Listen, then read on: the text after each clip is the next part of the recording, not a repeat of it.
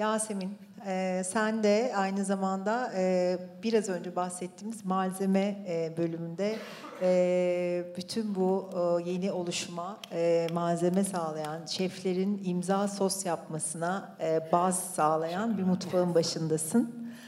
E, şeflere e, imza sos yapabilecek bazı soslar hazırlıyorsunuz ve bunu e, nasıl yapıyorsunuz? Nasıl bir süreç bu? E, ne işe yarıyor? E, nasıl bir fayda sağlıyor mutfakta? Bunu da senden dinleyelim. Çok teşekkürler. Ee, şimdi ben tabii yaklaşık bir 8 senedir bu işin kurumsal tarafındayım. Bu işte tedarikçi tarafındayım. Ondan önce yaklaşık bir 12 senede e, profesyonel şeflik yaptım piyasada aynen böyle işte fine dining restoranlarda, e, biraz daha kafe, bistro tarzı yerlerde. E, de, şeflerin dedikleri çok doğru. Ben e, işte 8 yıldır kurumsal şirkette çalışıyorum ama bütün hayatım boyunca o kadar ayakta yemek yedim ki aşçıların lanetidir. Yani asla oturarak yemek yemeyi 8 yıldır kurumsal şirkette yemekhanede yemek yenmez asla. bütün arkadaşlarımın söylediği ne çabuk yiyorsun. Yani ben normal oturarak bile böyle böyle ağzıma tıkarak yiyorum çünkü buna alışmışım. Yıllar boyunca o yüzden işte Ankaralıyım, çok gururluyum bundan. Ee, biz de işte e, kaz yerli, ıstakoz bilmem neler, fümeler onu bunu servis edip böyle çok iyi restoranlarda sonra çıkıp e, bize kelle paça, işte döner, tantuni, aspava. Aspava. yemeği yiyoruz. Bu arada Aspava'nın... Soslu soğanlı. Aspava'nın açılımını İstanbullular bilmeyebilir. Ee, Allah saat, para, afiyet versin, amin. Çok soslu soğanlı. Ankara'ya gittiğimde ilk öğrendiğim şey oydu. Evet, yani biz böyle inanılmaz yemekler, gurme yemekler servis edip en sonunda döner, köfte, kelle, paça, e, kokoreç yiyorduk. Bu arada Aspava'ya da gündüz saatinde gittiğinde lezzet Allah, Allah para, afiyet versin, amin. Yıldız Aspava favorimdir O Ankara'ya gidenler için. Ben bir şey söyleyeyim. Aspava'ya mesela gündüz gittiğinde beğenmezsin. Beğenmez. Benimki de öyle. Akşam tabii o gittiğinde açlıkla. beğenmezsin. Evet. Gece yarısından Ne sonra. yazık ki ben geçenlerde gittim ve beğenmedim yine. Evet, maalesef. Gece belli bir seviyeden sonra. Aspava şeydir böyle fix menüdür. Gidersiniz siz soğanlı mı, soslu mu dönerinizi söylersiniz. Onun yanında mutlaka cacığınız gelir.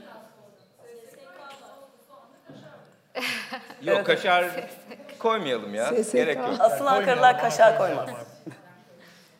Ee, Ben- mutlaka yanında cacığı gelir. Çayınız gelir ve en sonunda da bir tane uzun Marlboro ikram Kırmızı edilir.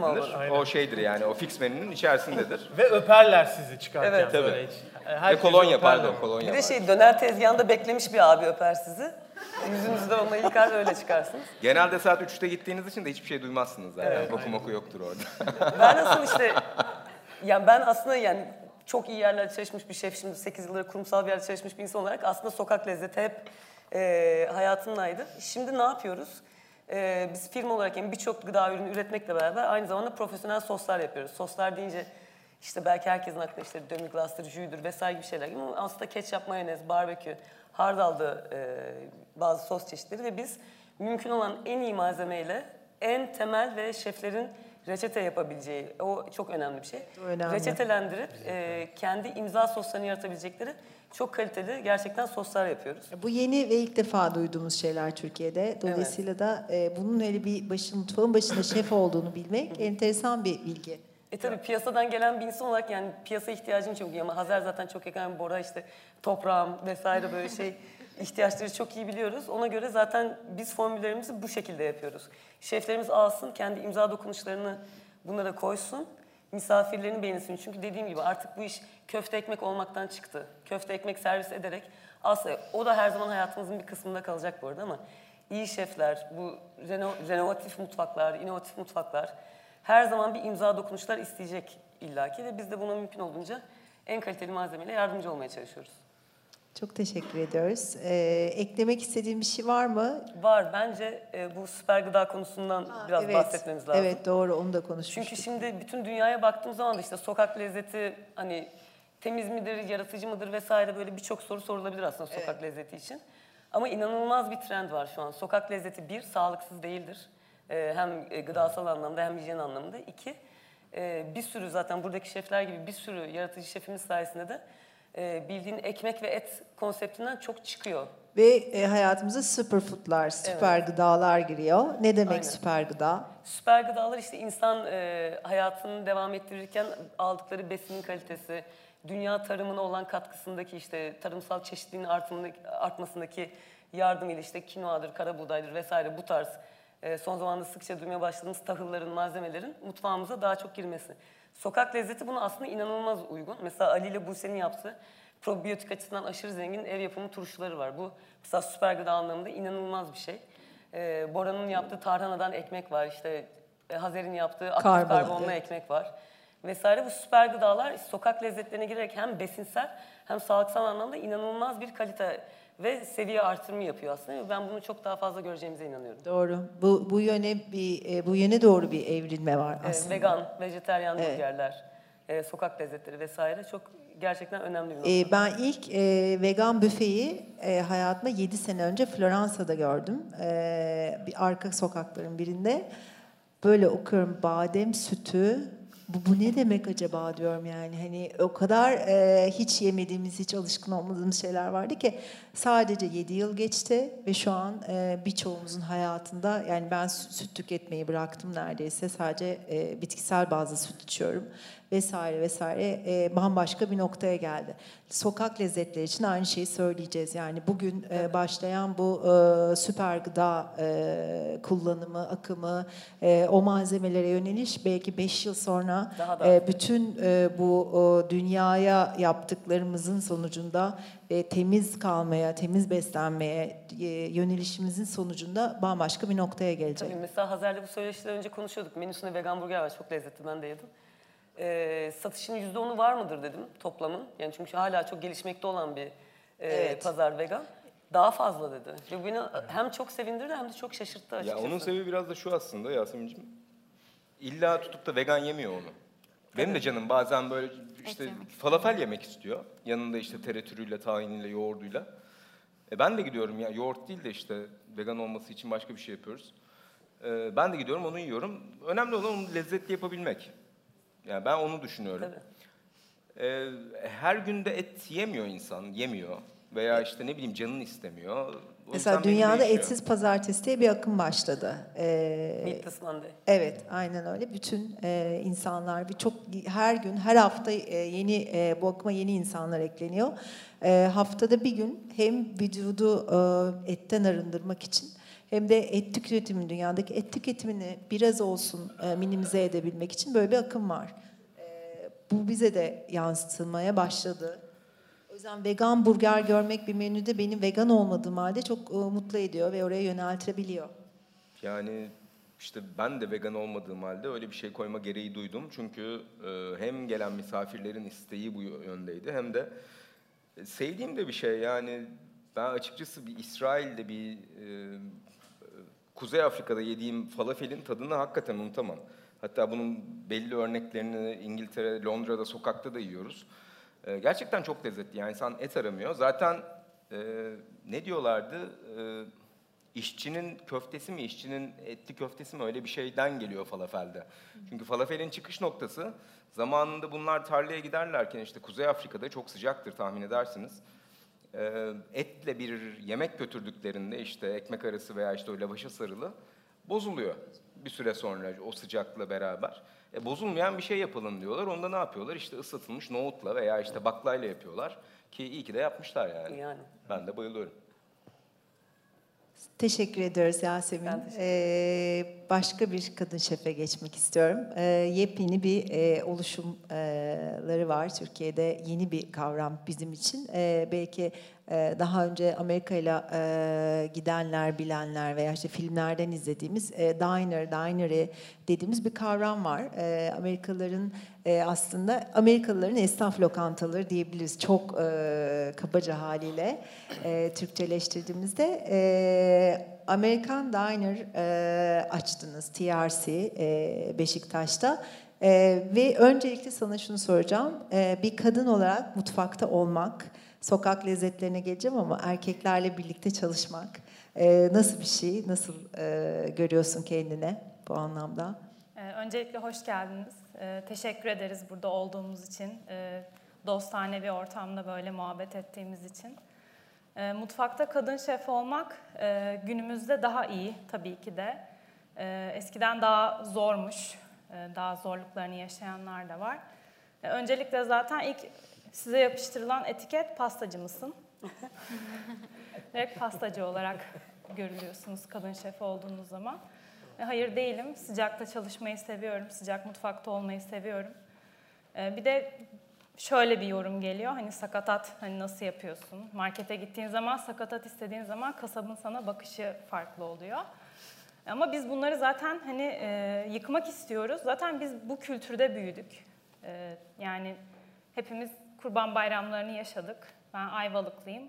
Bir kurban bayramı olduğunda bir hayvan e, sizin için kurban ediliyorsa, bir can gidiyorsa bunu en iyi şekilde değerlendirmeniz gerekir. O hayvanın hiçbir ürününü murdar etmemeniz gerekir. Bu kültürde de büyüdüğümüz için e, sakatat e, hem kültür olarak hem bizim için çok önemli ve bunu en iyi şekilde değerlendirmek gerekiyor. E, Biz aslında Beşiktaş'ta, yani esnaf şefim diyorum ben artık kendime, Beşiktaş'ta esnaf olduk.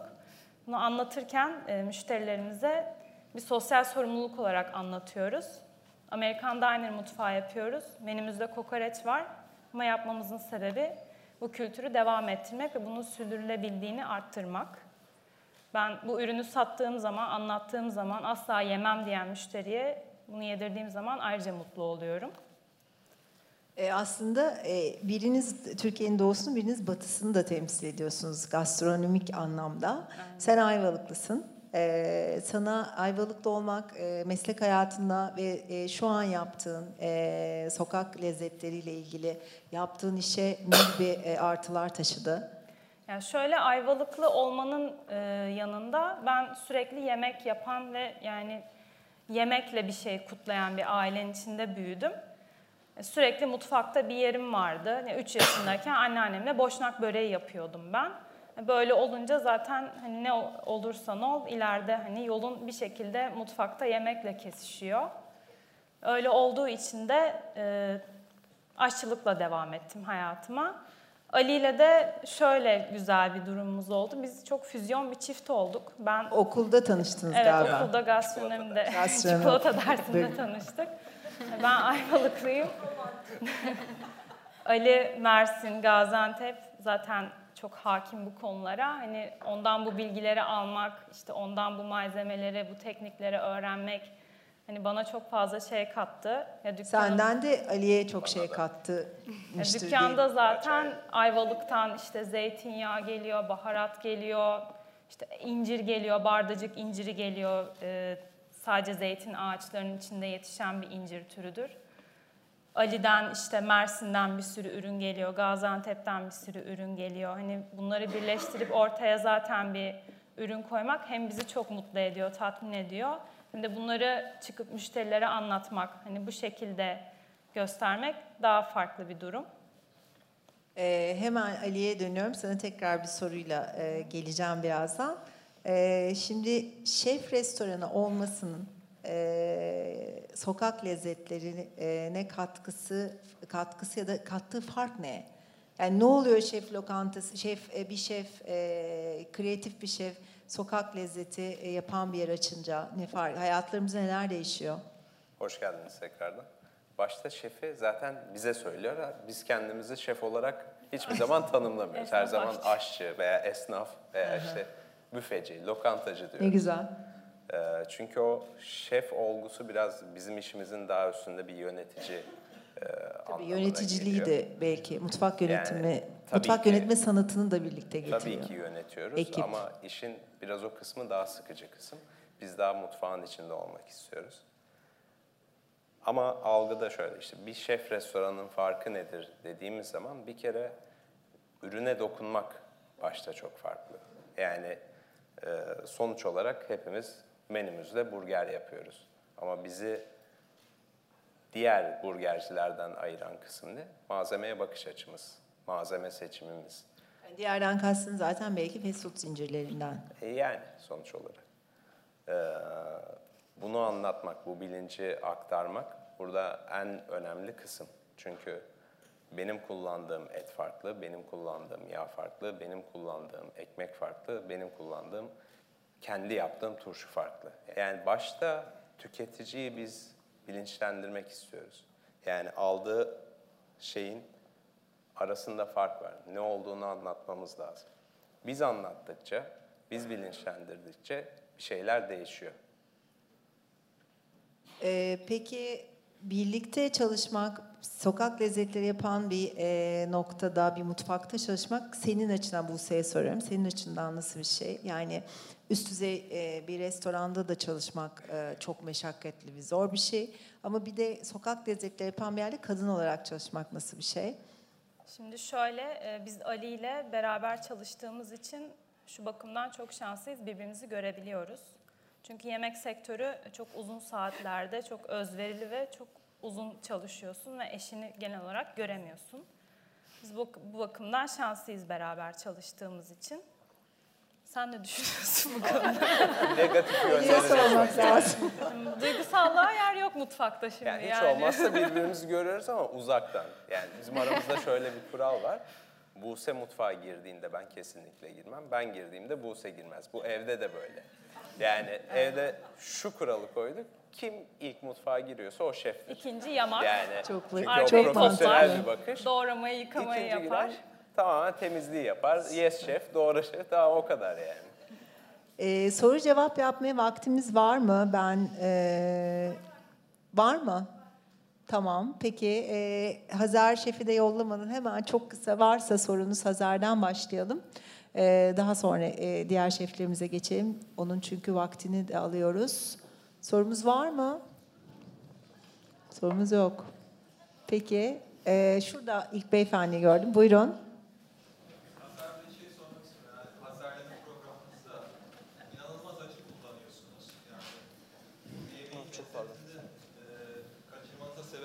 Çok merak ediyorum açıkçası. Benim tam tersi iştahımı açıyor ama evet çok fazla acı ile stimüle ederseniz dilinizin üstündeki reseptörleri e, yemeğin tadını o kadar alamazsınız. Sadece acı almaya devam edersiniz. E, ben de öyle işlemiyor. Sanırım toleransım arttı. O yüzden gelebildiği kadar acı gelsin. var. Benim bu konuda bir yorumum var. Ee, biz Hazar'la eskiden aynı şirkette çalışıyorduk. Bir gün dedi ki gel toprağım, Ankara'da ya. Ee, chili con carne yaptım. Güney Afrika'dan getirdiğim biber, biberle diye. Ben de acı çok severim. Tamam dedim ver. Bir çorba kaşığı fasulye yedim yani. Hayatımda ilk ve son defa 38 yaşındayım. Çok acı yemişliğim vardır. İlk ve son defa şiştim. Gözlerim kapandı. Ee, antihistaminik kullanmak zorunda kaldım. Hiçbir şey olmamış gibi hayatına devam etti. Aynı şeyden bir tabak yiyip. O yüzden acı- ilgili sorun bir şey cevabı var. burada gizli galiba. Tecrübe daha var ben de anladım. Sen, Biz sen de çalışıyorduk. Ee, benim bundan bir önceki zamanda. Ee, dükkanda şöyle bir şeyimiz var. Hazır istiyorsan git sen mutfakta. Kimlerin canını yakmışsın Hazar? Günün yemeği diye bir şey var ve günün yemeğini biz kendimiz pişirmek istiyoruz. İşte bir gün Hazar giriyor, bir gün ben giriyorum. Özellikle bir iki gün kuru fasulyemiz vardı. Ne zaman biz yapsak kimse kuru fasulyeyi yiyemiyor. Açıdan. Güzel bir soruydu. Çok teşekkür ederim. Ee, sizi sizden soruyu alalım. Sabahtan beri biz e, lokale, yerele dönüşü konuşuyoruz. Siz de dinlemişsinizdir muhtemelen. Ee, yerele ve lokal olana dönüşün e, sokak ye- yemeklerine yansıması nasıl? Bunu merak ederim. Bu soru hepinize. Ya şöyle ben başlayayım o zaman buna cevap vermeye. Çünkü aslında o YouTube kanalı demin beyefendinin söylediği hazarleme de biraz ondan çıktı. Ee, Fire Room'da daha fazla Anadolu'dan ne kadar sokak lezzeti koyabilirim diye başladığımız bir projeydi bu. Ee, bütün Anadolu'yu dolaşıp işte Ege'sinden Karadeniz'ine, doğusuna, e, kuzey doğusuna, güney doğusuna her tarafına gitmeye çalışıyoruz şu anda. Ee, ve amaç şu gidip mesela tıpkı menüdeki Elazığ köfte tostu gibi bir tane ürünü veya başka bir ürünü bulup şimdi yakında sövüş başlıyor İzmir'in meşhur sövüşü Ee, veya işte kelle paça biraz Maraş usulü yapılan onlar başlayacak menüde. Bunları beğendikçe ben biraz egoist davranıyorum orada. Ee, Fire menüsüne koyuyorum. Ve bence sokak lezzetlerini tutup da bütün dünya olarak düşünmemek lazım. Anadolu'da zaten bize fazlasıyla yetecek kadar sokak lezzeti var. Hepsi de çok lezzetli. Ee, ben de onları kullanmaktan gurur duyuyorum. Buyurun. Benim iki tane sorum var. Bir tanesi ben Unilever Food Solutions'ın böyle soslar yaptığını bilmiyordum. Ee, bu soslar endüstriyel soslar mı gerçekten el yapımı yani böyle bir hani taze soslar mı bir kere onu merak ediyorum yani Unilever grubunun böyle bir şeyin yani çok ha- hakikaten olağanüstü bir şey bu. Eksi Bir kere levelli olarak ben söyleyeyim mi? Tabii sen Ben de eski Unilever'liyim. Ee, ben de kaç, üç yıl boyunca orada çalıştım. Çeşitli işte e, lezzetleri beraber yaptık, tattık, onayladık. Ee, aslında mantık şu, el yapımı değil. Çünkü aslında yaptığımız şu anda benim evde yaptığım bir mayonez bile ev yapımı değil. Çünkü ben el blenderı kullanıyorum. Yani endüstriyel mi demek istiyorum bir tarafıyla? Endüstriyel, mi değil mi esasında? Bunu mesela merak nedir? ettim. Nedir endüstriyel dediğimiz? Yani mesela mayonezden başlayayım ben. Normal anneannemiz ben yılbaşlarını çok beklerdim. Çünkü anneannem bana Bizde sadece de. o gün Rus salatası yapardı. Aynen. Bizde de Ama öyle. mayonezini nasıl yapardı? Gidip marketten almak yerine işte yumurtaya bir parça Evde. sirke veya limon koyup çırpmaya başlayıp Aynen. yavaş yavaş yağ eklersin. Çok meşakkatli bir şey Evet. gibi görünür. Ta ki işin içine girene kadar. E şimdi elektrikli ev aletleri çoğaldıktan sonra mayonezi şu anda yapmak benim için 30 saniye bile değil. Belki de.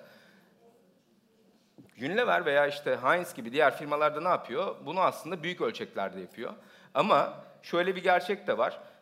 Mayonezi alıp siz yarım gün dışarıda bırakırsanız özellikle işte ne bileyim 25 derece şey 20 derece ile 35 derece arasında bir sıcaklıkta bozulur.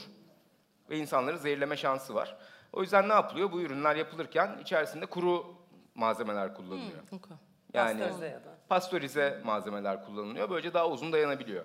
E ben de şimdi soslarımın birçoğunu yaparken e, tutup da mayonezimi kendim hazırdan şey kendim yapıp onu bir işte mayonezli bir sosa dönüştürmüyorum. Ne yapıyorum? Hazır mayonezlerden sevdiğimi alıp Pure Helmets, yalan söylemeyeceğim. Ee, onun içerisine işte acı biberimi koyuyorum, barbekü sosumu koyuyorum ve onu geliştiriyorum veya eviriyorum. Aslında baz söyleyeyim. olarak kullanıyorsun. Baz olarak Anladım. kullanıyorum. Çünkü öbür türlü kendiminkini yaparsam ve orada bırakırsam ve birisi yanlışlıkla ondan bir zehirlenirse veya midesine bir şey olursa bu sefer çok büyük bir yükünün altına girerim. Ona ben cesaret edemiyorum. Anladım. Teşekkür ederim. İkincisi de bu sokak lezzetleri kültürü üniversite eğitimlerine, e, o gastronomi bölümlerine nasıl yansıyor? Yani sizler bilmiyorum oralarda mı ders veriyorsunuz? Nasıl katılabilir ki hakikaten o eğitimlerin de bir parçası olsun? Bir de onu merak ediyorum. Çok güzel bir soru aslında. Ama hazırlıklı mıyız böyle bir soruya? Ben- Belki ben verebilirim bir cevap verebilirim. Biz e, bu yaklaşık 4 senedir e, Hamburger Festivali düzenliyoruz İstanbul'da. Belki e, görmüşsünüzdür. E, burada mesela yani üniversite müfredatına giren bir şey yok ama mesela Cordon Bleu öğrencileriyle birlikte workshoplar düzenleyip onları hem kendi aslında bu kültürde o restoranlarla tanışma fırsatı yaka- yakalamalarını sağlıyoruz. Hem de orada aslında farklı soslarla oraya gelen e, tüketicileri de e, böyle farklı onlarla birlikte tanışıp onlar neler sever, nasıl soslar üretebilirler, hangi tarz sokak lezzetleri ilgilerini çeker diye orada birebir deneyimleme fırsatı yakalıyorlar. Hani böyle bir e, taraftan destek oluyoruz ama müfredat tarafında nasıl bir Var şey an vardır? var. Var mı? Bilgi Üniversitesi'nde schedule'a girdi street food. Bu yıl Bir, bir daha tekrar. Bilgi Üniversitesi'nde schedule'a girdi yani programa girdi. Ee, bu yıl bu yıl eğitimi var.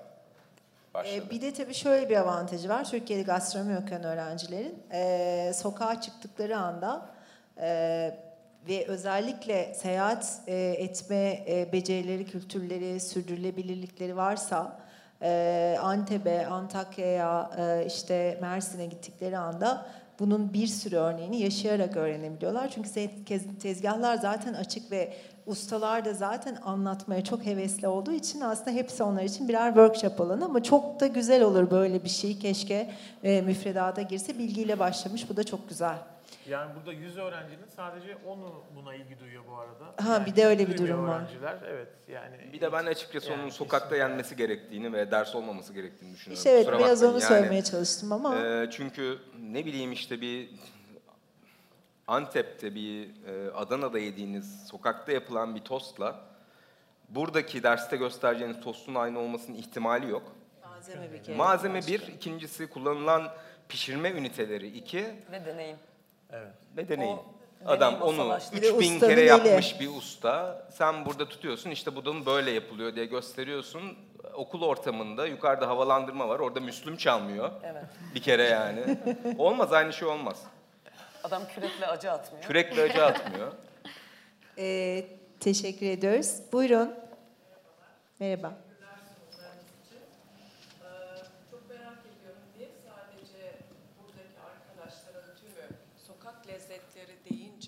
Hamburger üzerinden gidiyorsunuz.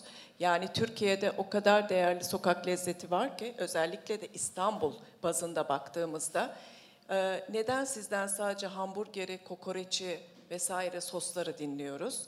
Neden e, bu üniversiteyi bitirmiş ya da işte sokak lezzetlerine gönül veren insanlar bir turşucu, güzel bir turşucu açmıyor ya da açmak için bir çaba göstermiyor?